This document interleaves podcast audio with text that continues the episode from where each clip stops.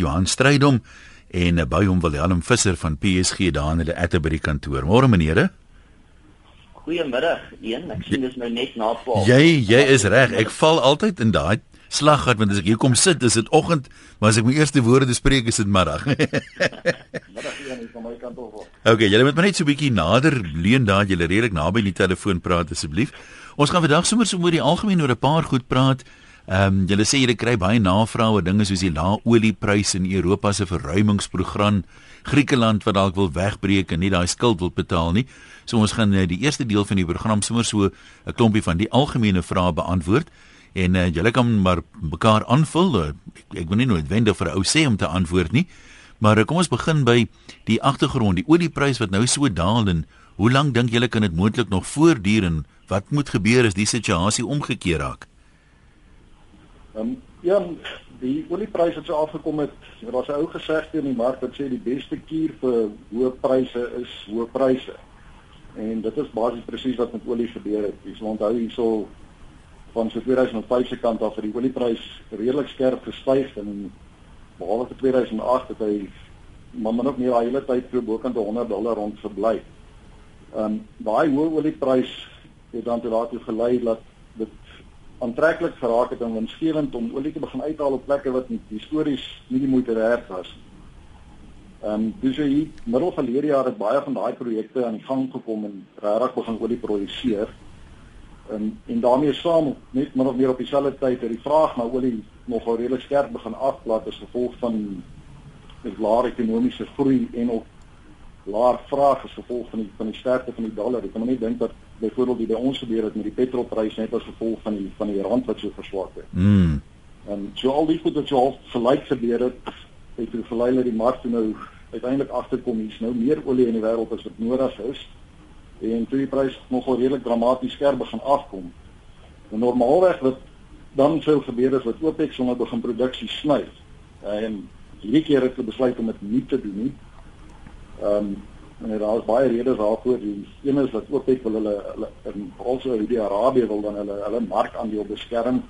Ek dink ook nie hulle vertrou hulle vennote heeltemal so lekker om om saam te sny nie. Ehm um, en die ander groot ding wat wat Saudi-Arabië probeer regkry is om nie noodwendig meer eens wat nou bestaande produksie in die mark uit die mark uit te druk nie.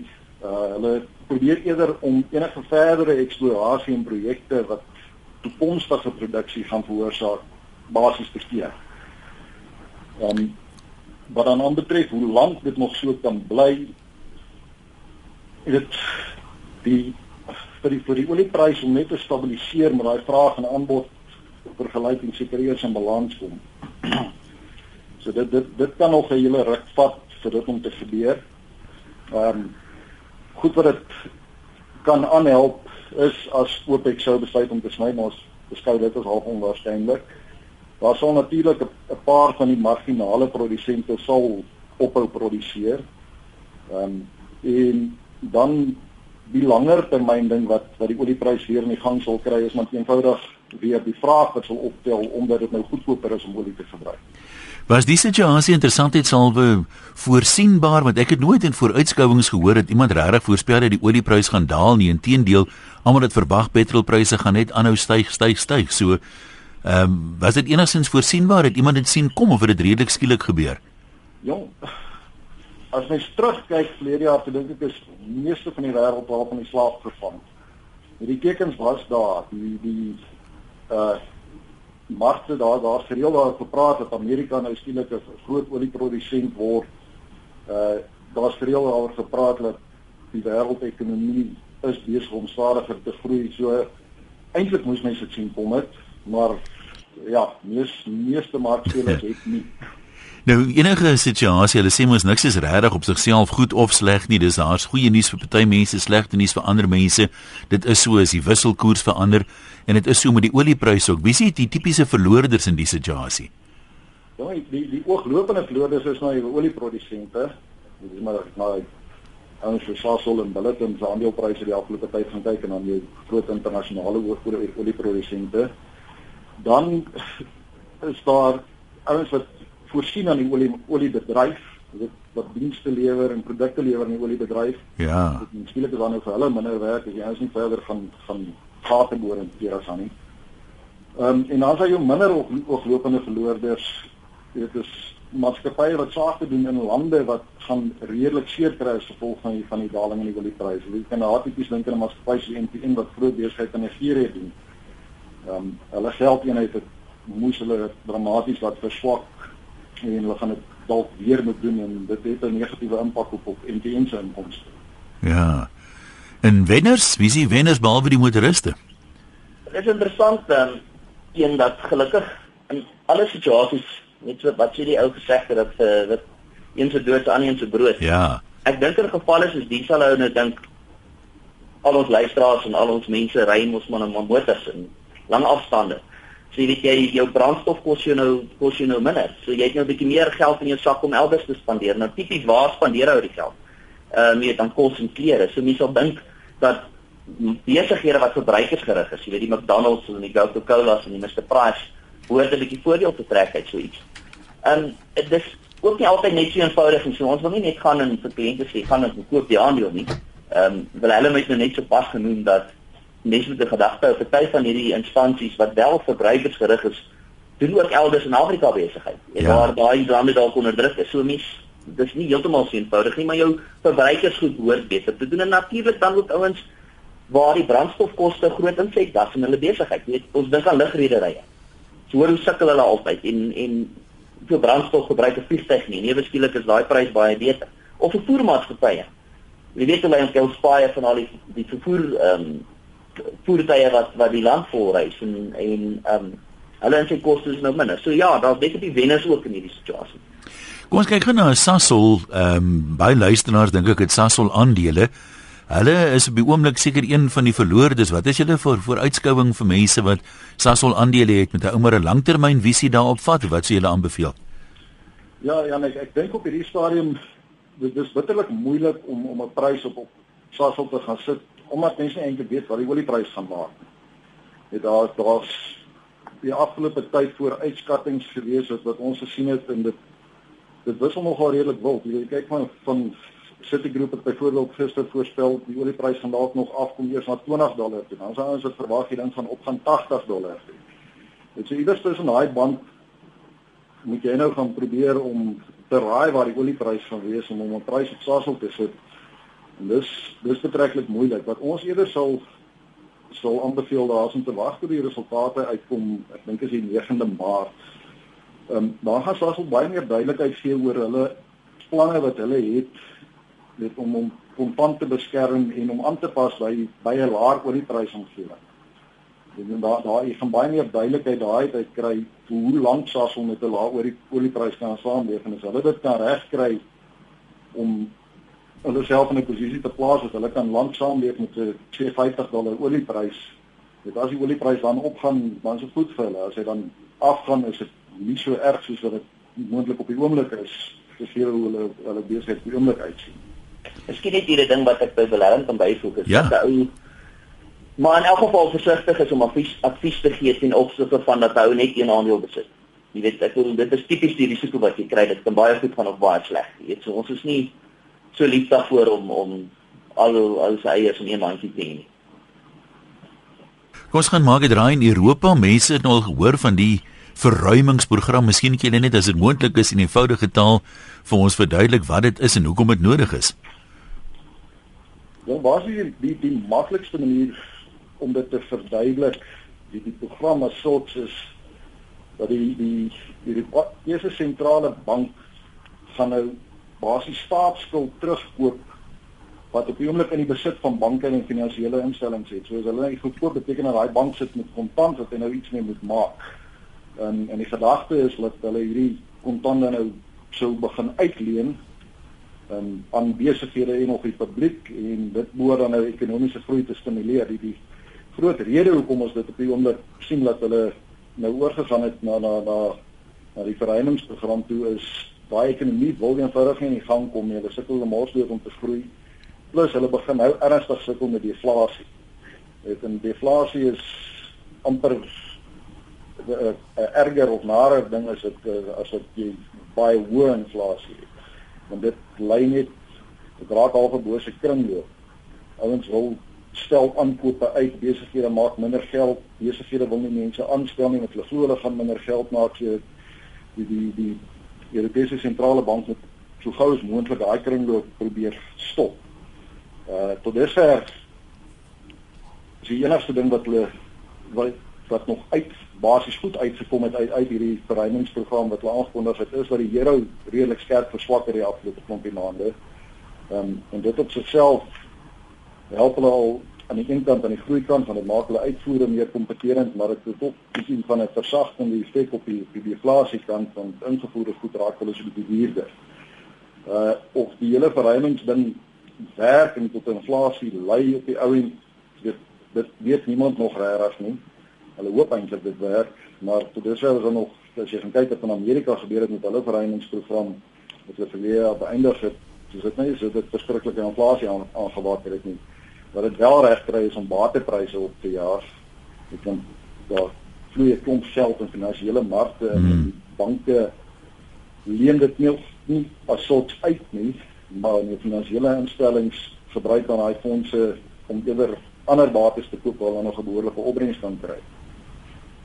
En in Griekeland lyk my die Grieke is nou weer ongelukkig met die res van Europa.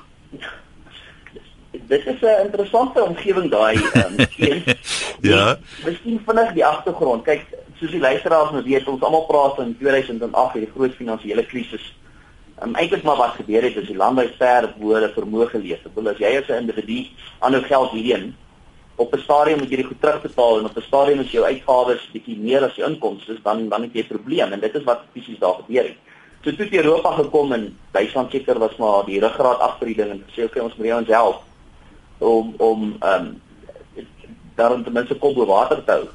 Die maar hulle het gesê luister ons help julle maar daar kom 'n klomp reëls. Jy kan nie net ehm um, gehelp word nie. Jy moet byvoorbeeld nou ons gaan nie meer salarisverhogings vir julle toelaat nie. Julle as 'n land moet nou meer belasting betaal ehm um, die openbare sektor moet moet 'n klomp mense afdank. En Griekeland het dit nie daarvan gehou nie en hulle het net maar gemompel en mompel en toe nou heel onlangs het 'n nuwe party wat hulle sê aan die linkerkant is nou aan bewind gekom en hy het gesê luister Europa skryf 'n groot deel van my skuld af asseblief. Dis waar hy nou staat maak. En hy sê en ons gaan ook ons nie verder steur aan hierdie besuiniging proses wat ons nie mag uh, mense verhogings gee en so voort en so voort nie. So wat nou gebeur is die Griekland voel eintlik in 'n mate dat hulle argument is dat um, jy weet hulle word nou eintlik bestuur deur mense wat nie demokraties in hulle land gekies is as hulle leiers nie. Want eintlik streng gesproke het Europa vir hulle geld gegee met reëls en hulle sê met ander Europa bepaal net hulle hulle moet leef. Hulle hou glad nie daarvan nie. Ehm um, hulle wil hulle eie toekoms bepaal. Die interessante ding is hulle baie swaar gekry met hierdie besuidigings ehm um, program want hulle ekonomie is nou 27% kleiner as wat dit in 2008 was. Jy weet so dis meer as 'n kwart, né? Ja, so jy weet die ouens het die pynne gevat. Ehm um, die groot ding is net Griekeland is nie 'n groot ekonomie nie. So uh, ekonomies gesien dink ek nie Duitsland en 'n paar van die groot ekonomieë gaan laat laat hulle hulle gijslaar hou nie. Maar wat ou eintlik 'n bietjie bekommer is dat hierdie dan 'n kekking effek kan hê. Jy weet want daar's lande soos Italië en Spanje wat dan dan al dieselfde houding kan inneem en dan dan raak dit 'n politieke ding rondom rondom die hele euro en dit is eintlik daar is weet Griekeland op soms sê soms luister man, man ons wil sommer weg by die van euro. So kyk daar word op die oomblik verskriklik onderhandel oor die ding. Ehm um, ek het 'n ding gelees laas week wat vir my interessant was is dat van die Griekse mense sê of die van kommentators daar van die leiers daar beweer dat luister hierdie lenings wat julle vir ons gegee het was eintlik nie om Griekeland te help nie. Dit was eintlik om om julle om ehm um, wat ons moet terugbetaal was eintlik om julle self stel want julle banke het aan ons die geld geleen nou gee julle vir ons kwantities die geld maar ons moet dit terugbetaal aan julle banke jy weet so julle red eintlik julle eie banke daai geld kom nie deur na Griekeland toe nie. So daar's maar 'n klomp emosie nou. Ehm um, so ons weet nie ek wil hulle nou net nie iets verbyvoeg nie maar ons ons kan nie sê dis wat gaan gebeur nie maar dis nie goeie dinge wat mense daaroor en ja ek dink die die, groot ding is hulle die die Europese Unie gaan van hulle hulle bes probeer om op een of ander oplossing af te kom. Hulle het in die verlede hulle hulle kan nie regtig bekostig dat een land in die Unie buite die reëls optree en maak net ja. wat hulle wil nie. So hulle gaan dit doen op 'n op een of ander vorm van 'n oplossing afkom eerder as om Griekeland uit die eurozone uit te gooi. Uh dit kan dalk net weet heelwat ehm um, wisselvalligheid in die markte veroorsaak oor die volgende rukkie soos wat die ding nou uitgespook word daar in Europa. Wat sê julle wat s'hulle mense vertrekpunt wees as jy 'n portefeulje saamstel, Johan? Ag een, ek dink die belangrikste is dat jy moet nie kliënt se behoeftes verstaan. Nou, ek bedoel ek weet almal sê dit en en weet ons begin maar by 'n kontantontleding want ons sê as ons weet wanneer die ou die geld uit 'n portefeulje nodig het, dis 'n goeie beginpunt. Want dan weet ons hoe om die ding saam te stel. Weet 'n inkomste kliënt se portefeulje lyk tog anders as 'n groei kliënt se portefeulje. En dan jy weet is daar ouens wat nog bydra tot pensioenfonde om om eendag ons praat van 'n regulasie 28 portefeulje. Dis maar net omdat dan sekere vereistes in die pensioenwet moet dan voldoen. En en jy weet so begin deur die behoeftes en dan kan jy onderskei tussen die kliënte en van daar af kan jy dit dan verder vat. Nou, daar sekere beginsels neem ek aan wie jy dit toepas as ou dit nou as vertrekpunt vat. Wat sou jy sê is die belangrikste beginsels wat jy in glo wat jy ehm um, jy weet wat 'n deel van so 'n oplossing sou moet uitmaak? Ja, ja, dit elke beleggingsadviseur en welvaartbestuurder het seker maar 'n manier hoe hy sy portefeulje saamstel. Ons as besigheid het gaan sit en sê wat is vir ons belangrik? Wat oor die jare het ons gewys werk? Wat wil ons sien as ons daarin glo kom dit regtig weerspieël dit in die portefeuilles wat jy saamstel? En ek wil ons kan ek en Valerian kan net so twee of drie vinnig praat. Maar die een ding waarna ons glo is dat 'n portefeulje moet doelgerig wees.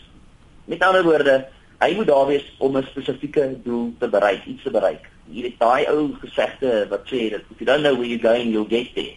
Um, ons glo nogal daarin. So tipies om terug te kom na my my beginpunt nou nou is dat die doel van 'n inkomste kliënt is anders as die doel van 'n groei kliënt. So die portefeuilles wat jy saamstel om daai kliënt te ondersteun of daai portefeulje te ondersteun, lyk anders en behoort anders te lyk. Dan 'n tweede belangrike ding vir ons is ons glo maar daarin dat 'n ou 'n kombinasie moet kry tussen direkte aandele portefeuilles en fondsbestuurders of of effekte trust portefeuilles. Die twee vul mekaar mooi aan. Miskien kan wel hulle net gou een of twee goed sê oor ons plaaslike en buitelandse direkte portefeuilles, nie dat die luisteraars weet dat daar onderskeid is tussen hulle. Hulle. Okay, ons het basies ons het ons 'n paar verskillende portefeuilles wat ons bestuur, maar die die vier wat basies die meeste gebruik word is pla twee in die buiteland en twee plaaslik uh, wat basies verskillende doelwitte het. Jy het 'n uh, ons 'n langtermyn groei portefeulje wat ons dan nou hoë kwaliteit groei aandele gaan gaan probeer insluit. Ehm um, en daai portefeulje pas nou tipies erns in jou langer termyn gedeelte van 'n van 'n kliënt se beleggingsplan en tipies jou geld wat jy eers 7 jaar later gaan gaan nodig hê. Ehm um, dan het ons in die plaaslike kant en in die buiteland het ons ook dan 'n hoë dividendportefeuilles wat 'n hele ander strategie het as jou as jou groei portefeuilles. Daar daar soek ons uitsluitlik na aandele of instrumente wat vir ons 'n hoër opbrengs lewer in die vorm van dividende en dan as 'n tipe van 'n kontant aanvuller te bied. So tipies sal jy dan nou kyk na omdat jy na ander doel wil bereik, kyk jy na ander tipe aandele. Maar aan saam met die direkte aandele sal ons dan nou fondsbestuurders selekteer of effekte trust bestuurders wat die meeste mense van weet. En ons het besef dat elkeen van hierdie ouens het 'n aparte mandaat. Party wil inkomste hardloop, party wil groei aandele of net aandele hê. En die gedagte is hoe kombineer jy dit sodat jy nie net afhanklik is van die opinie van een nie. En dis maar 'n manier waarna ons glo, kry daai kombinasie reg. Buiten die eerste punt wat ek gesê het oor doelgerigte portefeuilles, tweedens oor direk en ons bestuurder, glo ons ook in 'n kombinasie van aktiewe bestuur saam met passiewe komponent. Ehm um, aktiewe bestuur is nou presies waar jy maar probeer uitversteek. Jy betaal 'n bietjie meer daarvan daarvoor, maar jy wil beter doen as wat die mark vir gee. Die passiewe komponent is waarvan ons almal nou al weet van hierdie beursverhandelde fondse, weet die Satrix 40 tipe 40 tipe portefeuilles wat teen 'n lae koste vir 'n ou die mark kan gee. En daar is weer ook maar die kuns is hoe hoe kombineer jy dit? Want daar is ook al so ruim hoeveelheid van die ehm um, tipe portefeuilles. So dis maar net vinnig 3 om te noem. Ek, ek sien die tyd hardloop ook uit. So daar's 3 net wat ek net so vinnig kan noem en dit is vir ons belangrik dat wanneer ou dan na jou portefeulje kyk, hier goed is weer dit weer speel soos ek al gesê het. Jy wil sien dit is daar. Anders hoekom glo jy daaraan? Ja, ja. Ons praat oor kostes. Hoe groot rol speel dit? Wissel die kostes aansienlik tussen verskillende tipes uh, beleggings dat dit 'n 'n noemenswaardige faktor is wat 'n mens in ag moet neem vooraf? Een kostes is altyd 'n faktor. Ehm um, kyk daar's baie debatte oor kostes en maniere hoe hulle fooie verhaal. En ek dink nie ons gaan nou noodwendig dit bespreek nie. Ek gaan nou maar net iets noem. Een van ons beginsels is dat ons onnodige kostes uit die ketting uithaal en ek het hier 'n vinnige berekening gedoen. As jy aanvaar alles is dieselfde, jou groei is dieselfde. Ehm um, maar daar is 1% per jaar verskil in kostes. Op 'n 1 miljoen rand na 10 jaar maak dit 205 000 rand verskil. Dis omtrent 11%. Yesterday. Na 20 jaar, jammer een. Nee, ek sê yesterday, ek kan nie glo dit so baie nie. Korrek, na 20 jaar is dit 820 000 rand. So dis omtrent 23%. Na 30 jaar is daai selfe 1 miljoen rand verskil. Ek praat net van die verskil. 2.5 miljoen rand. Dit is 36% verskil. So kostes mens moet sensitief wees. Nou uit die aard van die saak is daar baie dinge waarna mens nou moet kyk en nie net na kostes. Maar 'n ou moenie net te gemaklik wees dat jy enige bereid is om enige kostes te betaal.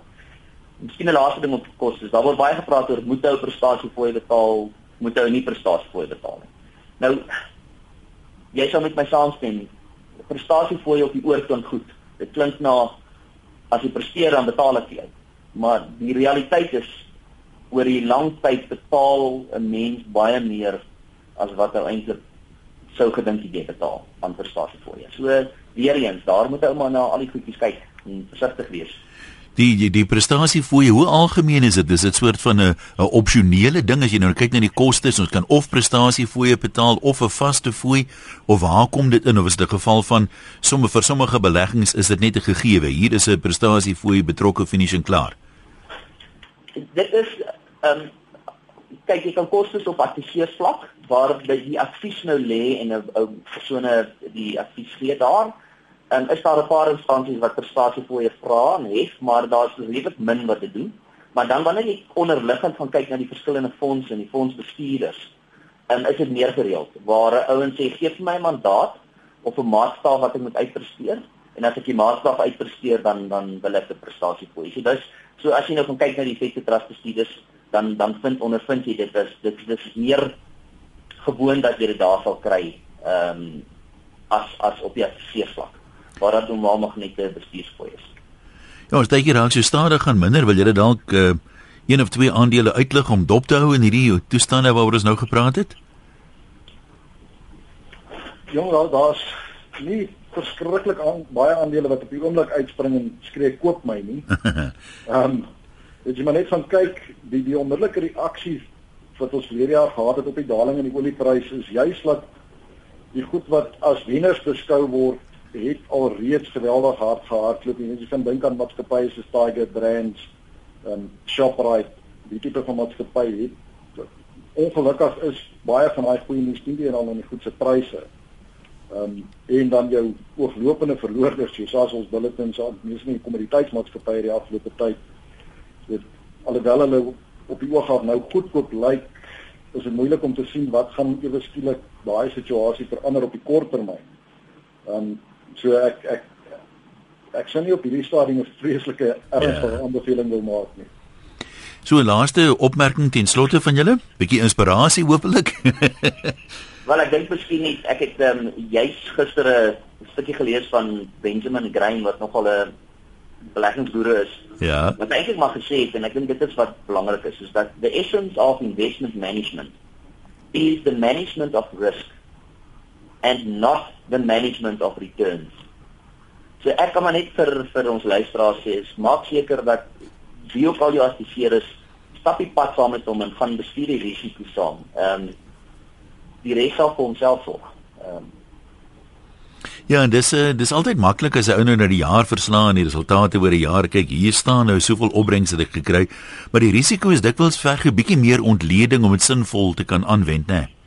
Daar's 'n definitiewe verband tussen risiko en opbrengs. Absoluut, ja. En en mens moet dit nie mens moet dit nie vergeet nie. Ehm um, ehm um, en as jy as jy die regte ontleding gedoen het dat jy ou presies weet wanneer jy wat nodig het jou portefeulje, dan kan jy die regte bateklas of die regte risiko daaraan koppel. So geld wat jy gaan nodig hê in die volgende jaar, wil jy tog nie aan 'n ding koppel wat op en af kan gaan. Ja, natuurlik. Want dit is risiko van permanente verlies.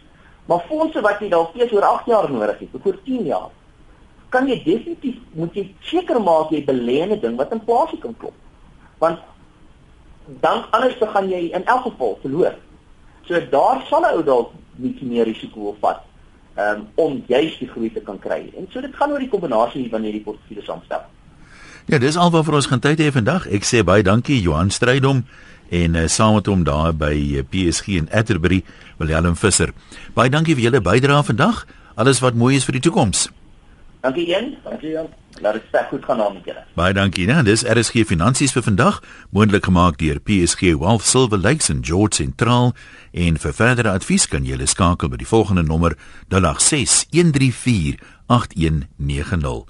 086 134 8190